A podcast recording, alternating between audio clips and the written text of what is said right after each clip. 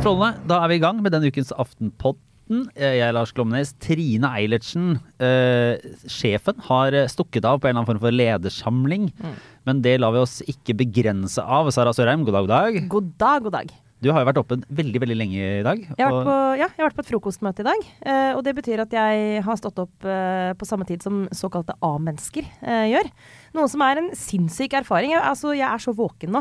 Klokken, Vi spiller jo inn eh, dette her på det som for meg ellers er tidlig morgen. Vi møtes halv ti som regel for å lage Aftenpodden. Men i dag har jeg liksom allerede vært på et frokostmøte, så jeg føler meg sånn sinnssykt energisk. Sånn er det å være vanlige folk. Ja. Det her- Herregud, at vanlige folk har det sånn som dette, det var ikke jeg klar over. Eh, men jeg kommer jo til å gå rett i veggen om et par timer, da. Jeg, kan si, jeg, jeg tror jeg slo deg med en time i, i våkentid i dag, og ikke nødvendigvis samme effekt. Men eh, vi ser hvordan det går. Åssen er det med deg, Kjetil?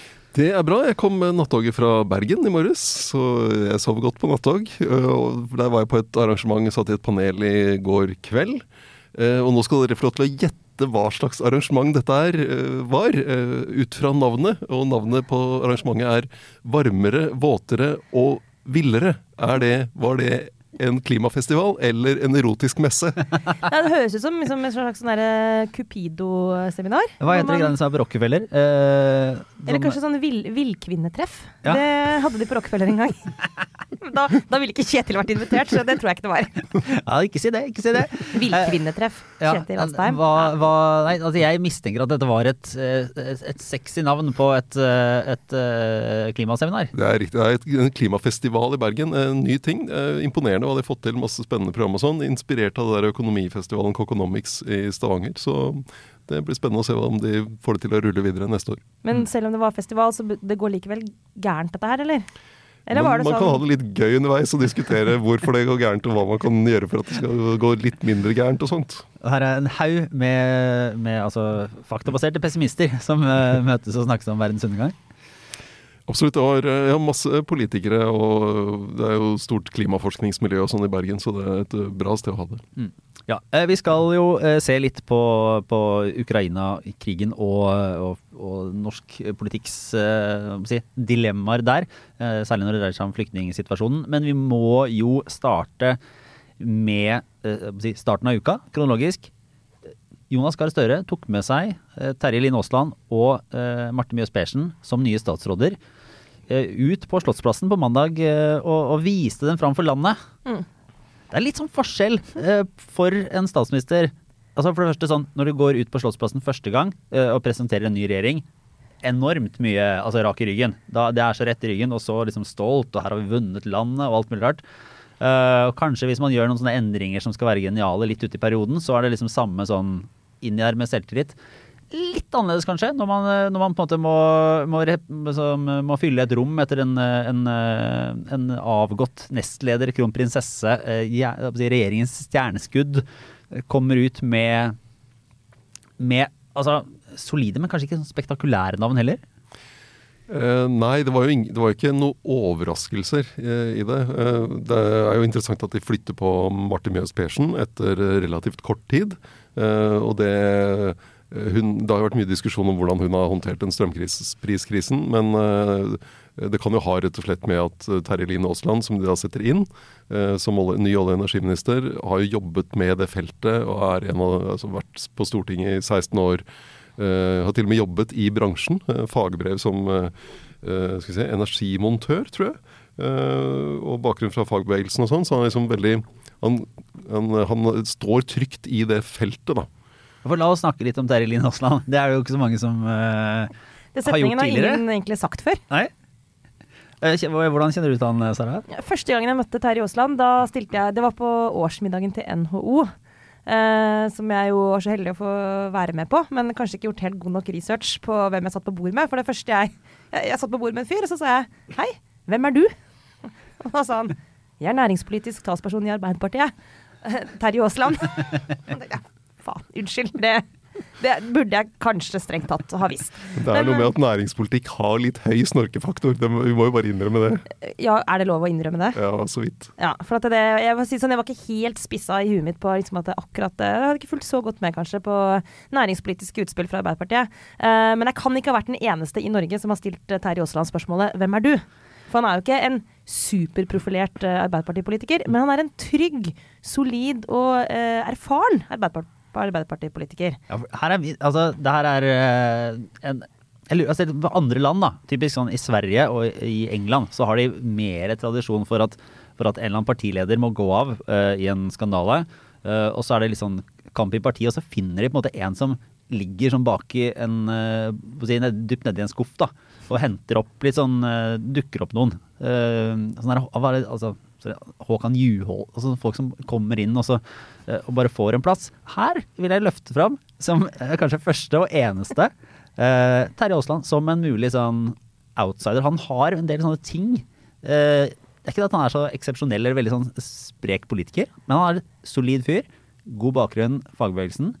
Her har litt sånn, Han ser litt ut som en mulig statsminister. Ja, han er staut. Ja, staut Uten å eh, Unnskyld for objektiviserende kommentar, men Ja. han er jo det. Ja. Det er dristige ting du lanserer nå, altså. Ja, ja, men det, er- det er fritt fram å skyte det ned. Men her er det sånn, hvis, hvis vi var i et litt sånn ustabilt land, da Så må måtte gripe til en liksom Nå må jeg bare ha et eller annet stødig her. Ja, Ja. men som ser litt ut som en uh, mulig statsminister. Uh, har bakgrunnen i orden, ikke kommer til å gjøre noe sprell. Der har du han. Og det er vel kanskje derfor han er henta inn som, som olje- og energiminister også. Ja, og I tillegg til at han sitter, har sittet midt oppi det, det feltet, sånn at han kjenner det godt fra før. Og det er jo Han ble jo kasta rett inn i en, eh, en debatt i, eh, en, hos Fredrik Solvang om, om liksom, strømpriser og alt dette her. Så, og det som han eh, håndterte ganske godt, syns jeg. Mm. Eh, så det, da er det jo en fordel at du har jobbet med det over tid, og også at du har erfaring fra Stortinget. Og at du kjenner eh, politikken godt, da, og hvordan det fungerer der. Men er det derfor? Fordi, og nå er vi over i kategorien sånn helt vill spekulasjon, for det, jeg vet ikke svaret på det. Men uh, Marte Mjøs Persen møtte jo denne, som du var inne på, Kjetil.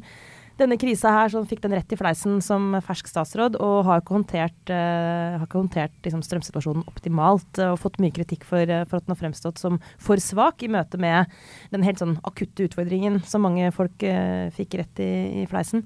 Eh, tror vi liksom at hun nå er er, er, er det altså er det en fordekt oppsigelse, holdt jeg på å si? Altså igjen en ny post. Er det fordi hun er den beste kandidaten til å være ny arbeidsminister, eller er det fordi hun ikke fungerte i den eh, posten hun hadde? Hva tror vi om det? Altså Hvordan skal vi tolke liksom, denne forflytningen? Ja, det, Jeg stiller bare spørsmålet, så må du svare. så var, det var jo, Stavanger Aftenblad var jo ute på lederplass og krevde at hun skulle gå av, eller kastes. da, så Det var jo det var ganske heftige ting hun har vært igjennom. Uh, og Samtidig så har hun jo stått i det og forsvart norsk energipolitikk og prøvd å forklare hvorfor det har tjent oss i 30 år og, og de valgene som har, øh, har vært tatt. Men eh, det å komme inn som fersk i rikspolitikken og så få mengdetrening i studio til Fredrik Solvang. Det er jo ikke det du drømmer om som ny statsråd. Sånn at, eh, det, men det, det kan ha vært at de tenker de trenger en med mer rikspolitisk erfaring inn på den plassen. Eller det kan ha vært at de har tenkt at eh, eh, den jobben kan Terje Lien Aasland gjøre godt, på all energi. Uh, og da også må vi ha en som er god på Som kan ta arbeids- og inkluderingsposten. Og det Ja. Og at Persen i så måte har faktisk breiere bakgrunn. Da, ikke sant? Aasland er kanskje denne posten her som han kunne tatt som statsråd, mens hun er i stand til å ta flere, og at det er så enkelt som det. Jeg tror vel han også kunne tatt uh, arbeid, altså for det, med den bakgrunnen fra kontakten med fagbevegelsen og sånne ting. Så det, ja. Men, men eh, på Stortinget så sitter jo Rigmor Aasrud, som jo kunne så Apropos sånn grå eminenser, altså, kunne gått inn i hvilken som helst eh, rolle, kanskje. Erfaren og, og dyktig. Tidligere statsråd, nå Ja. parlamentarisk leder. Hun er jo et veldig trygt kort, da. Uh, så, så det lurte jeg på. Setter de inn henne? Det ville vært et sånn enkelt trekk hvis du bare gjør, ikke flytter på Martin Mjøs Persen, bare setter henne inn som eh, arbeids- og inkluderingsminister. Men da ville du hatt Hvem skulle da bli parlamentarisk leder Mm. for Arbeiderpartiet? Eh, Hadia Tajik? ja, det ble litt vanskelig etter at hun også gikk som nestleder. Men her er det interessant også, hvis vi først da skal spekulere på hvordan eh, Støre må ha tenkt gjennom den uka som har gått. Jeg antar at han også må ha vært gjennom litt ulike scenarioer. Um, og i de dagene hvor uh, Tajik hadde gått av som statsråd, men fortsatt var nestleder Altså fram til hun, hun sendte dette brevet til sentralstyret og, og, varslet at hun ville trekke seg som nestleder. Men i de dagene der så ville det jo vært et, eh, et, et eh, virkelig et dilemma eh, om hun hadde beholdt nestlederposisjonen, gått tilbake til Stortinget. Og det å ikke sette inn henne som parlamentarisk leder når hun var nestleder, ja. hadde vel ikke vært mulig, nesten. Og når han da i forkant av at hun selv valgte å trekke seg, uh, sa at han gjerne ville ha eller hadde tillit til henne som nestleder videre, så skulle man tro at han ønsket henne f.eks. inn som parlamentarisk leder og så skjedde det jo Det kom jo noe etter at Hadia Tajik hadde gått av som statsråd, så kom det nye saker. NRK hadde gjennom uh, disse leieinntektene hun hadde på en, en leilighet i, i, Stavanger. Sånn at uh, sånn som jeg oppfatter det, så var det før Hadia Tajik trakk konklusjonen om at hun ville gå av også som nestleder, så var det tydelig at hun ikke kunne bli parlamentarisk leder. Hmm. Og var det riktig av henne syns dere? Altså jeg, eh, må si at den uh Eh, saken, eh, Hvilken dag var det hun eh, det ble kjent at hun trakk seg? Det var søndag, var det ikke det? Eh, akkurat der, der, og da, altså når den nyheten kom, og, og, og, flere medier kunne sitere dette brevet hun har sendt til sentralstyret, så virket det bare som en sånn helt naturlig konklusjon. Og det måtte, det måtte ende sånn. Eh, så er det kanskje bra for henne at hun fikk lov til å trekke konklusjonen selv. Eh, også med tanke på en mulig tilbakekomst da, for Tajik i, i politikken. For alternativet hadde vel egentlig vært Det eneste som er verre for henne, hadde vært at hun ble tvunget til å gå uh, på neste landsmøte? Uh, men det tror jeg også altså hvis uh, jeg, jeg, skrev en kommentar på søndag kveld at da jeg spurte hvorfor var ikke Støre hardere i Klypa. Mm. Og det jeg tenkte på da, var hvorfor gikk ikke han og hans folk mer inn i de, de, sakene som hun slet med, og som tok styringen på det. og det, det, har jo vært gjort forsøk, men så er spørsmålet hvor mye hjelp var det Hadia Tajik var åpen for å ta imot. Eh, men det, jeg tror det var veldig viktig for prosessen som skal komme etterpå, at det nå ikke, at ikke fremsto i helgen som om det var Støre som hadde kappa hodet av henne, men at det var hennes valg. Fordi hvis det var eh, fremsto som at Støre hadde liksom sagt nå må du trekke deg som nestleder, så ville det skapt mer ondt blod i Arbeiderpartiet, tror jeg. Nå er det sånn også de som syns det er veldig synd at hun uh, trakk seg, aksepterer det som hennes avgjørelse, og at det, ble, det, måtte bli den konklusjonen. Og det du kan si der, da, i møte med har jo Støre opplevd at begge, altså to nestledere som har slutta, eller trukket seg på et vis, og du kan si at um, han har fått kritikk også fra meg for å velge en for diplomatisk linje i noen av disse sakene. Og jeg mener jo fortsatt, vi snakket så vidt om det forrige uke også, at uh, jeg syns det er rart, det er underlig at SMK tilsynelatende har vært så passive i møte med den faktisk håndtering av disse sakene rundt Tajik. Men du kan si at um, det han kanskje tok sjansen på her, og som viste seg at det fungerte, det var jo at Tajik faktisk til slutt eh, ville sette partiet foran seg selv. Altså det, hun, hun, har spart Arbeiderpartiet for en veldig opprivende og bitter eh, periode nå gjennom å trekke seg. Og du kan si at Der satt de lenger inne for Trond Giske, som er det andre eksempelet. Eh, selv om han også til slutt endte med å gå som nestleder, så var jo det mye mer større altså, Der måtte Støre til slutt eh, bli hardere i klypa. Mm. Eh, men brukte lang tid på å bli det, og fikk, mener jeg, rettmessig kritikk for det. Her valgte han muligens liksom samme strategi, men her fungerte det fordi mottakeren, altså Tajik, i større grad enn Giske faktisk er i stand til å se, uh, se på en måte litt lenger utenfor seg, litt forbi seg selv, da, ikke sant. Mm. Og har nok det vi opplever som henne som troverdig når hun sier at hun kom til konklusjonen av hensyn til Arbeiderpartiet. Da tenker jeg ja, det virker sånn. Så der går si, Støres eh, diplomatiske eh, fremferd fungerer bedre eh, med folk som i likhet med han selv er i stand til å se liksom, totalbildet. da. Så Sånn sett så kom han ikke så verst ut av det kanskje til slutt. Mm. Så blir det jo spennende å se, og, det, og her er det jo egentlig bare noen som, også, det er bare Hadia Tajik som vet svaret på det, om hun fortsatt er motivert til å faktisk eh, si, komme tilbake og ta en helt, sånn, helt sentral rolle i norsk politikk. Eh, det er jo måte, enklere når en prosess er avslutta og skulle starte å bygge opp igjen. Men hun er jo også en type politiker som måte, har, har, ganske mange andre bein å stå på. da, uh, Fordi hun er uh, dyktig på mange områder. Det er menneske, og, politiker og jurist, ikke det? ja. så, så, det er i hvert fall to bein som står igjen. Uh, og kunne fint vært en sånn politiker som du ser for deg altså går inn og gjør noe annet, og, og, sikkert er veldig flink til det. Så, men tror du nå at det er politisk mulig sånn rom, da, uansett hva hennes uh, motivasjon måtte være, uh, for å sakte, men sikkert bygge seg opp fra en sånn posisjon som egentlig uh, posisjons, foreløpig posisjonsløs i Stortinget? Ja, det blir spennende hvilken komité hun skal gå inn i, så hva hun, hva hun skal jobbe med. Det, og så er det jo lett sånn rent menneskelig å skjønne at når du har gått på en, et sånt fall som både statsråd og nestleder, så trenger du litt tid til å, å områ deg. Og så, så jeg, jeg, vil tro at hun Så må hun finne hva blir hennes rolle på Stortinget, og så vil vi se etter hvert om hun da har en vei tilbake på et eller annet senere tidspunkt som statsråd eller uh, andre posisjoner i partiet, eller om hun fader ut av norsk politikk. Men det er lenge vet du, å sitte på Stortinget. altså Det der at du velges inn for fire år av gangen. Uh, vi snakker jo nå da drøye tre år, nesten tre og et halvt år, uh, for Tajik på Stortinget. Akkurat det der det er et luksusproblem, selvfølgelig. Det er fast jobb, på en måte. Eller i hvert fall i de årene der. Så det er mange som har andre altså, sånn sett så er det trygt, da. Ikke sant? Du mister ikke, den, uh, mister ikke plassen som stortingsrepresentant, men du slipper ikke ut heller. Det er litt sånn Hotel California, liksom. Så akkurat det, akkurat det å skulle motivere seg for tre år som uh, backbencher på Stortinget, hvor du skal på en måte finne mening i å, i å få det til, det tror jeg helt sikkert at hun skal klare. For hun er nok en politiker som helt sånn genuint eh, finner interesse av å jobbe med saker. Det, det tror jeg helt Men liksom misunner henne ikke på det menneskelige planet akkurat den fasen hun skal gjennom nå, og finne den nye motivasjonen. Så, ja, så mistenker jeg jo at, uh, at uh, Arbeiderpartiet hun har jo en ekstremt sterk liksom, faglig posisjon. altså Som politiker så har hun en, en stor stjerne fremdeles, og, og, hun er liksom en kapasitet som det ville vært antageligvis ser også i, i Arbeiderpartiets stortingsgruppe at det, liksom, det er for, nesten liksom for dumt å pakke bort i et hjørne i tre år, hvis, hvis hun uh, har interesse av å, av å bidra. Så sånn sett så Ja, Det går an å se for seg også at hun altså Det er ikke umulig at hun kan komme tilbake i en sentral posisjon i løpet av denne stortingsperioden. Det avhenger egentlig av, når støvet legger seg litt nå, i hvor stor grad de feilene hun har gjort, eh, er så alvorlige at de fortsatt går på tilliten løs eh, om en liten stund.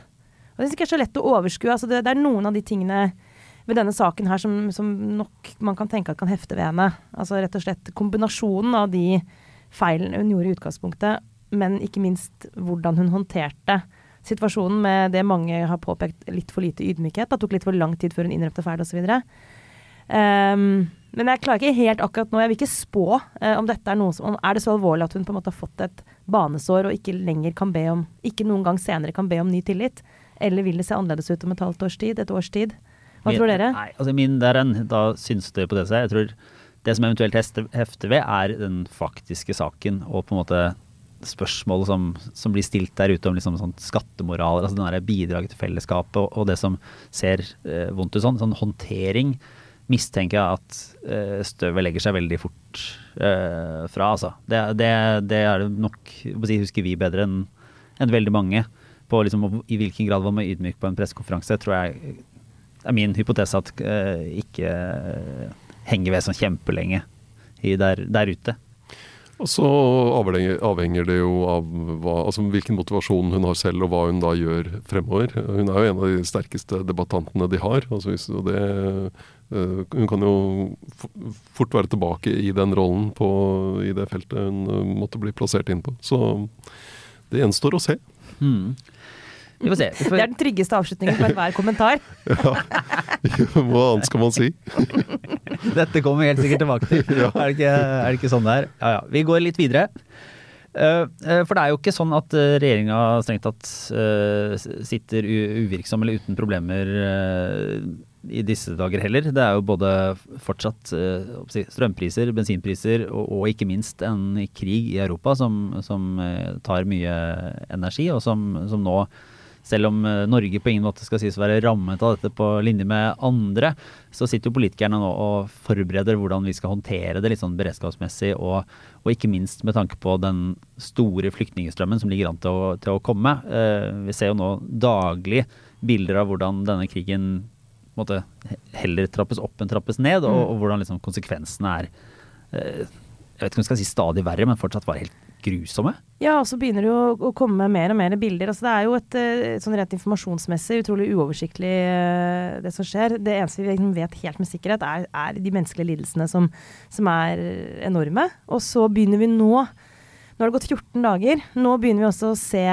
eksempler på hva som skjer i disse byene som er beleira, og hvor det begynner å gå tomt for vann.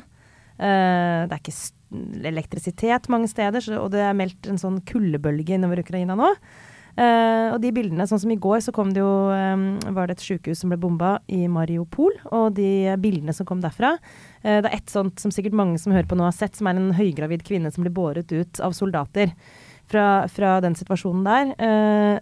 Og det er sånn som um, det kan være fristende å lukke øynene for. Men det, bare, det går ikke an å forskåne seg mot det lenger. Man kan velge hvor mye man vil ta inn, men, men liksom, det er ikke um, det er ikke lenger mulig å liksom, lukke verken øyne eller ører. Og vi har snakka mye tidligere om hvordan liksom, skal sette fra, fra norsk utgangspunkt at for statsministeren å skulle håndtere altså denne perioden her har vært liksom veldig preget av utenom hva skal jeg si for noe, på en måte geopolitiske innslag. da, Koronaepidemien og så denne strømkrisen.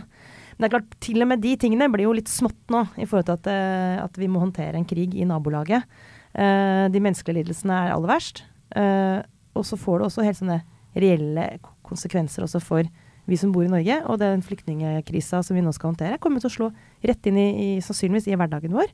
Og hvordan vi skal håndtere det rent praktisk, er nå én ting. Politisk er noe annet. og der er jo løsningene. Der må jo veien bli til mens man går, i veldig, veldig stor grad. Så det er som sånn eh, jeg, tror vi, jeg, tror vi, bare må innse at dette kommer til å prege liksom, all norsk politisk debatt eh, i månedene som kommer. Enten vi vil eller ikke. Men på akkurat det flyktningområdet så er det jo på en måte debatten kanskje i motsetning til tidligere, eller er det det? Eh, relativt stor sånn samstemthet. Eh, ja, nå er det akkurat nå mens vi sitter her, så er eh, justisminister Emilie Enger Mehl i Stortinget og redegjør om flyktningsituasjonen. Det er jo, jobbes jo nå på spreng på tvers av ulike departementer for å forberede landet på og i kommuner og UDI og sånn, å forberede landet på å ta imot et ukjent antall flyktninger. Uh, vi vet ikke hvor mange som kommer, vi vet ikke hvor lenge de må bli her.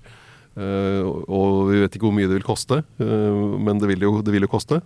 og det er behov for å hjelpe i de landene der de kommer først, Polen og de andre landene som tar imot veldig mange. Eh, så det er, eh, det er, jo en ganske stor operasjon, rett og slett. Logist, alt fra logistikk til, eh, til ja, alt det andre. Helse, helsemottak og sånn. Det var en runde her i, i spontanspørretimen i går der Alfred Bjørlo fra Venstre, mangeårig ordfører, som fortalte at noe av det som er vanskelig for kommuner å håndtere, er det å gi god psykisk oppfølging til de flyktningene som kommer med store traumer. Eh, hvordan det å sikre at du har den, den faglige oppfølgingen rundt i kommunene der, der disse flyktningene kommer. Eh, så det er, det er, jo kjempestore utfordringer.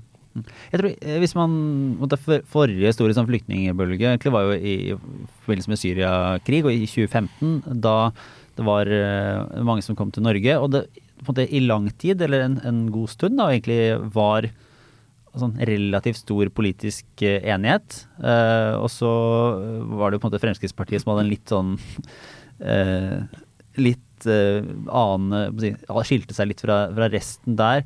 Eh, fordi de jo tradisjonelt sett har vært eh, strengere på dette. Og, og, de fikk jo på sikt faktisk en slags gevinst av dette her. Og det er noe sånn, Men tror vi at denne debatten kommer til å skille seg veldig fra det som var den gang? Altså er, Blir det en partipolitisk uenighet på det her etter hvert?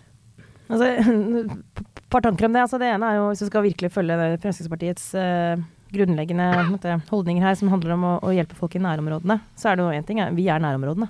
Så det er noe, altså, dette er rett, så det er våre naboland. Og det er jo linja som, som Frp og Sylvi Listhaug har lagt seg på foreløpig. Ja. Og så, så kan du si at hvis vi skal løfte blikket litt mer og snakke om Og det, det mener jeg er um, Det kan slå ut begge veier. Altså dette er også uh, nabofolk eh, oppleves nok tettere på. Jeg, tror jeg kan ikke forestille meg at det skal bli en lignende eh, en, en, helt lik politisk debatt i Norge eh, om denne flyktningstrømmen, rett og slett eh, også fordi at, at, det er så tett på. Jeg kan liksom ikke se for meg helt, jeg kan heller ikke se for meg at Frp denne gangen skal ta, innta en litt mer skeptisk holdning til å ta imot flyktninger enn en de andre. Jeg, jeg, gjetter at det vil være en ganske sånn samla og sterk politisk vilje til å bare stille opp akkurat nå.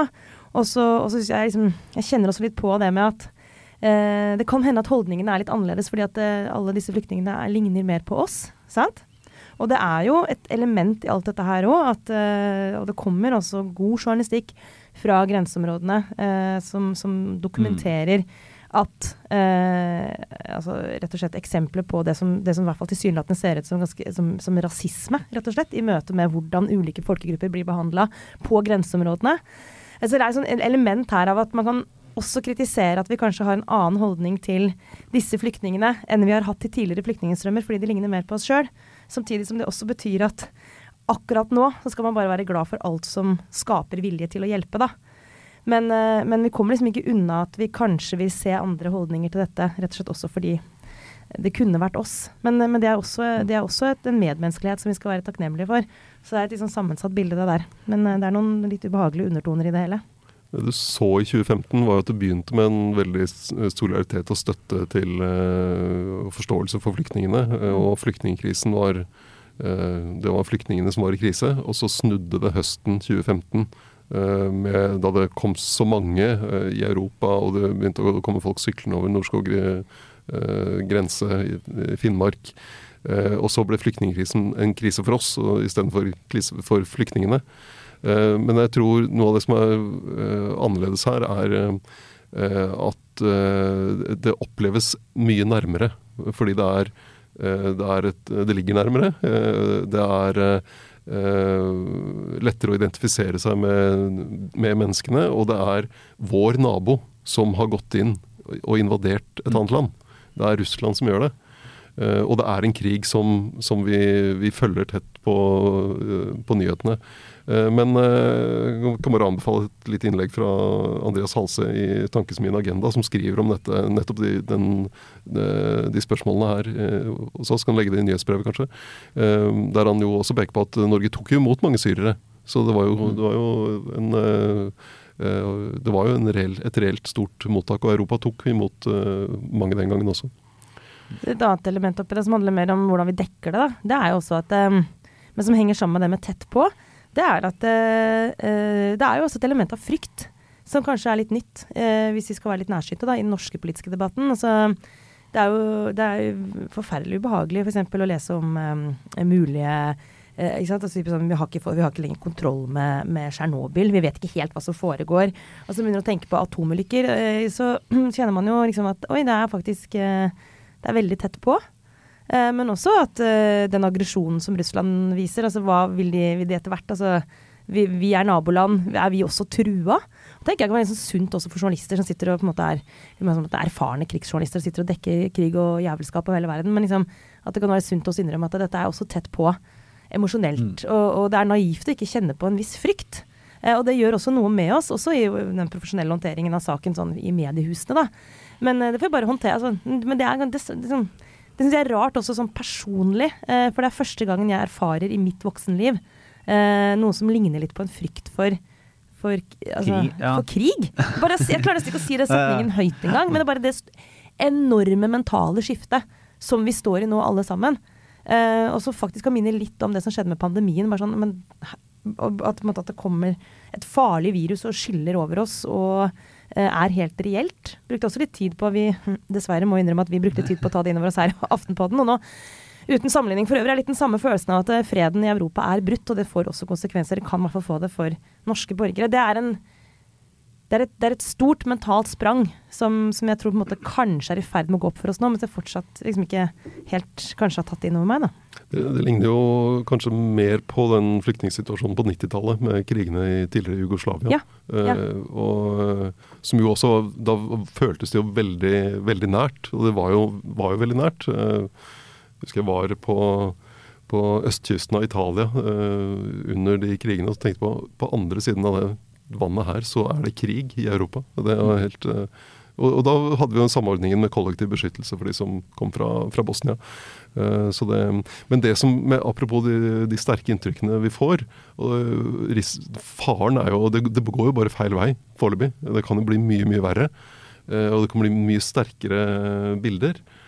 Og det som blir Eh, det kan jo da også oppstå Det er jo en veldig solidaritet med Ukraina nå eh, i Vest-Europa. Og hva, hva, skjer hvis eh, Hvilket press kan oppstå for at Nato-land skal gå enda mer inn i konflikten? Uh, og Der har jo Nato vært veldig tydelig på at vi skal ikke være en party i, i krigen. Vi skal ikke uh, bruke Nato-fly til å skyte ned russiske fly. Vi skal ikke ha Nato-styrker inn i Ukraina. Uh, fordi det, det, vil jo være ekstremt risikofylt å gjøre det. Da har du liksom tredje verdenskrig neste.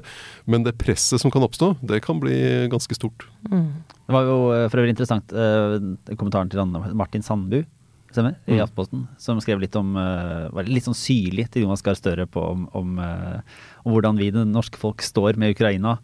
Uh, eh, som, som eh, i all hovedsak er i ganske sånn billedlig forstand, all den tid eh, Ukraina står for seg selv Ja. eh, utenfor, utenfor Nato og, og eh, med, med ikke så enormt mye hjelp. Men det kan, jo, det kan jo fort bli et press, og det blir jo naturlig, i hvert fall i oppfatningen der ute, når Nato har vært involvert i, i ulike operasjoner i ulike land, med ulike begrunnelser for all del, men på en måte kan bli sett på som en sånn som en eh, ja, sånn verdens politi som, som av og til går inn og skal rydde opp i ting, og da ikke skal gå inn og rydde opp i noe som, som vi får direkte bilder fra, og som er nært, og som, eh, som etter hvert kan bli ekstremt uh, alvorlig, selv om det all- allerede jo åpenbart er det. da. Så, eh, men eh, av og til, når man driver med, med podkastfaget, da, så kommer man til et sånt punkt eh, der er, det er litt sånn umulig å bygge en elegant bro. Ja, så når liksom tredje verdenskrig ligger på bordet, for det er ikke bare sånn hvis det skjer, så er det tredje verdenskrig neste. Det er sånn hvis det skjer, så er det tredje verdenskrig.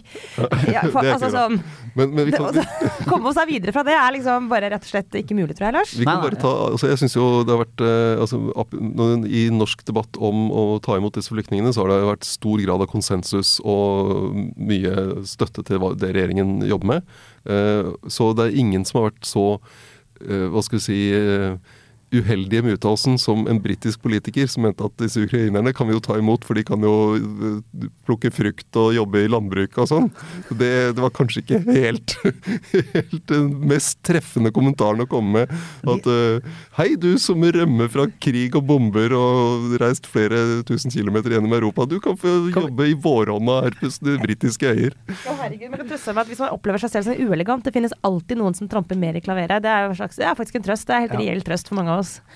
In our daily lives. Ikke sant? Ja. Uansett så, så så, så må man bare foreta en sånn, en, det man kaller en bro, da, på, eh, og en overgang her, som ikke blir veldig elegant. Og dermed så er det like greit å bare ta et sånn kutt, et, et ordentlig kutt, uh, til uh, vår runde med obligatorisk refleksjon. Ja. Eh, for der har du også et verdensproblem, har du ikke det, Sara? uh, jo. Takk for den uh, ballen, Lars. Uh, men ja, altså um, Hvis vi nå skal tillate oss å, å gå tilbake til dette eh, liksom ubekymrede livet Lettere her. format, det har vi gjort. Det er det, er det som er, dette er noe lytterløfte nå. Eh, det var sånn vi måtte gjøre det. Vi Ja. må gå tilbake og ta, holde på vår lille flik av hverdag. Ja, og da, da vil jeg gjerne fortelle en historie om eh, en sånn sjokkartet eh, opplevelse jeg hadde på restaurant. Ja, dette er også til, eh, ut til våre kjære lyttere. Det er, var dette en ren tilfeldighet, eller var det selve tidsånden jeg møtte?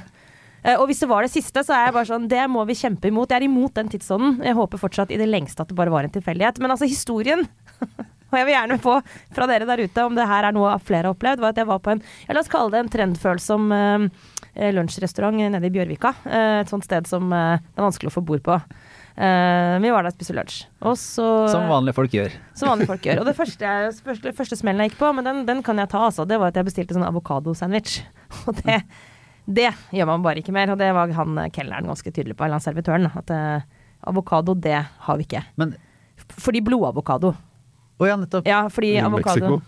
Ja, og fordi at, eh, som han sa til meg, med et litt eh, formanende uttrykk i fjeset, var at er du klar over hvor mye vann som går med på å dyrke fram liksom én avokado? Det var jeg på en måte ikke helt, kanskje, men eh, jeg har faktisk liksom godt satt meg bitte litt inn i det. Altså, avokado er veldig lite bærekraftig skal jeg si frukt, men er det en grønnsak? Eh, la oss kalle det en frukt. Ja, uansett. Det er stein. La oss kalle det en avokado. Ja. Eh, I hvert fall så tok jeg, så den tok jeg, Den er fint er de, denne restauranten tatt, en, eh, tatt et verdivalg da, om å ikke servere avokado, og jeg er veldig glad i sånn avokadosandwich, så det, det, men den, det er bra. Altså, jeg støtter opp om det, jeg blir litt sur inni meg, men jeg er først og fremst glad for det. Jeg tenker sånn, fint, jeg kan godt uh, avse, jeg trenger ikke avokado i mitt liv. Jeg, Men, men de sa faktisk nei, det har vi ikke, fordi det, det er ikke bra.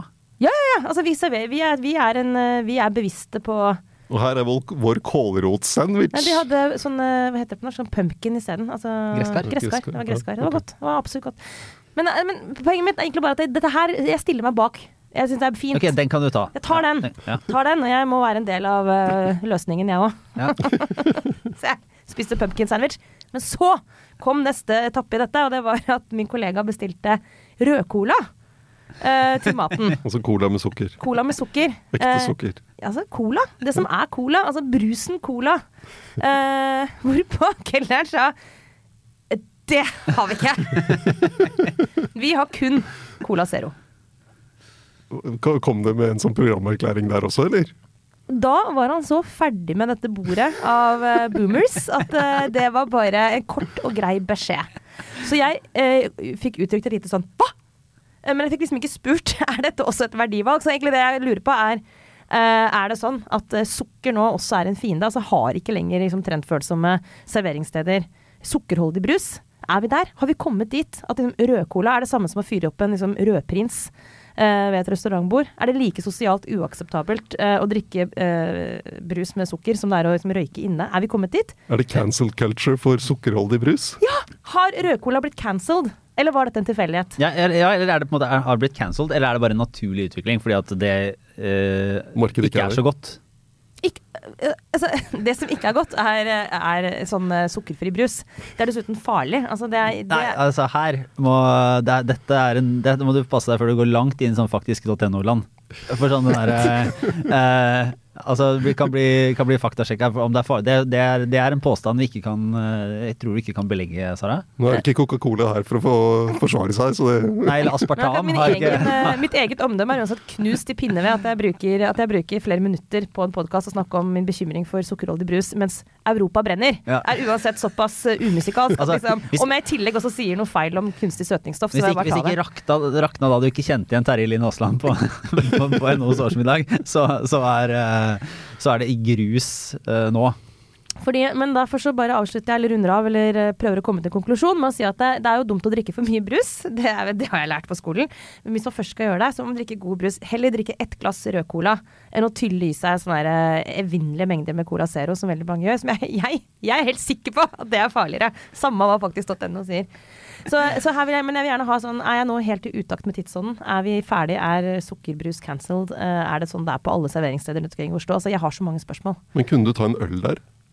Til lunsj? Eh, Var det greit? det er også et problem. Vi var ute med, med mediefolk, men det er jo ikke lenger heller lov å Det er ikke lov å Det er ikke lov å drikke lenger. til lunsj lenger!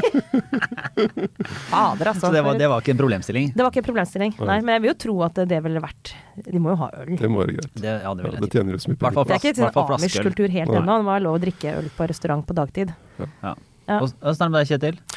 Eh, jo, eh, jeg har jo vært innom den Rådebank-serien noen ganger tidligere. Eh, nå har de jo hatt sesong tre, som ute, har ligget ute en eh, liten stund. Så jeg synes, Og det er jo den siste avsluttende sesongen. Eh, og der, de har jo det er jo tunge temaer de har vært innom med selvmord og sånn. eh, Så de, den siste sesongen skildrer liksom hvordan, disse, hvordan de går videre i livet. eh, Og hva som er vanskelig og, og sånt. Og så, så jeg, jeg syns den var verdt å se. Jeg syns de to første var de beste sesongene, men en fin avslutning på det hele. Eh, og så er det da øh, øh, vår kollega i Vårt Land som øh, har skrevet om denne, denne sesongen. øh, og det Bare skyte inn, ikke at jeg avbryter deg, men eh, Emil André Erstad. ja, jeg kan bare opplyse lytterne om at eh, Kjetil er en av de ivrigste Vårt Land-leserne jeg har møtt, tror jeg. Du refererer faktisk svært ofte til Vårt Land. Men her er det, her er, og jeg er jo abonnent. Ja, og det, Ja, ja. dette har vi vært innom, faktisk. Ja. At Lars hadde skaffet seg abonnement. Ja, ja, Ja. ja. Det tikker og går, det. Men øh, han, øh, han skriver da om, øh, om det han oppfatter som noe av det interessante med den siste sesongen. Men nemlig denne Fordi hun Hege, som er, blir liksom en, en stor person her, billakkerer.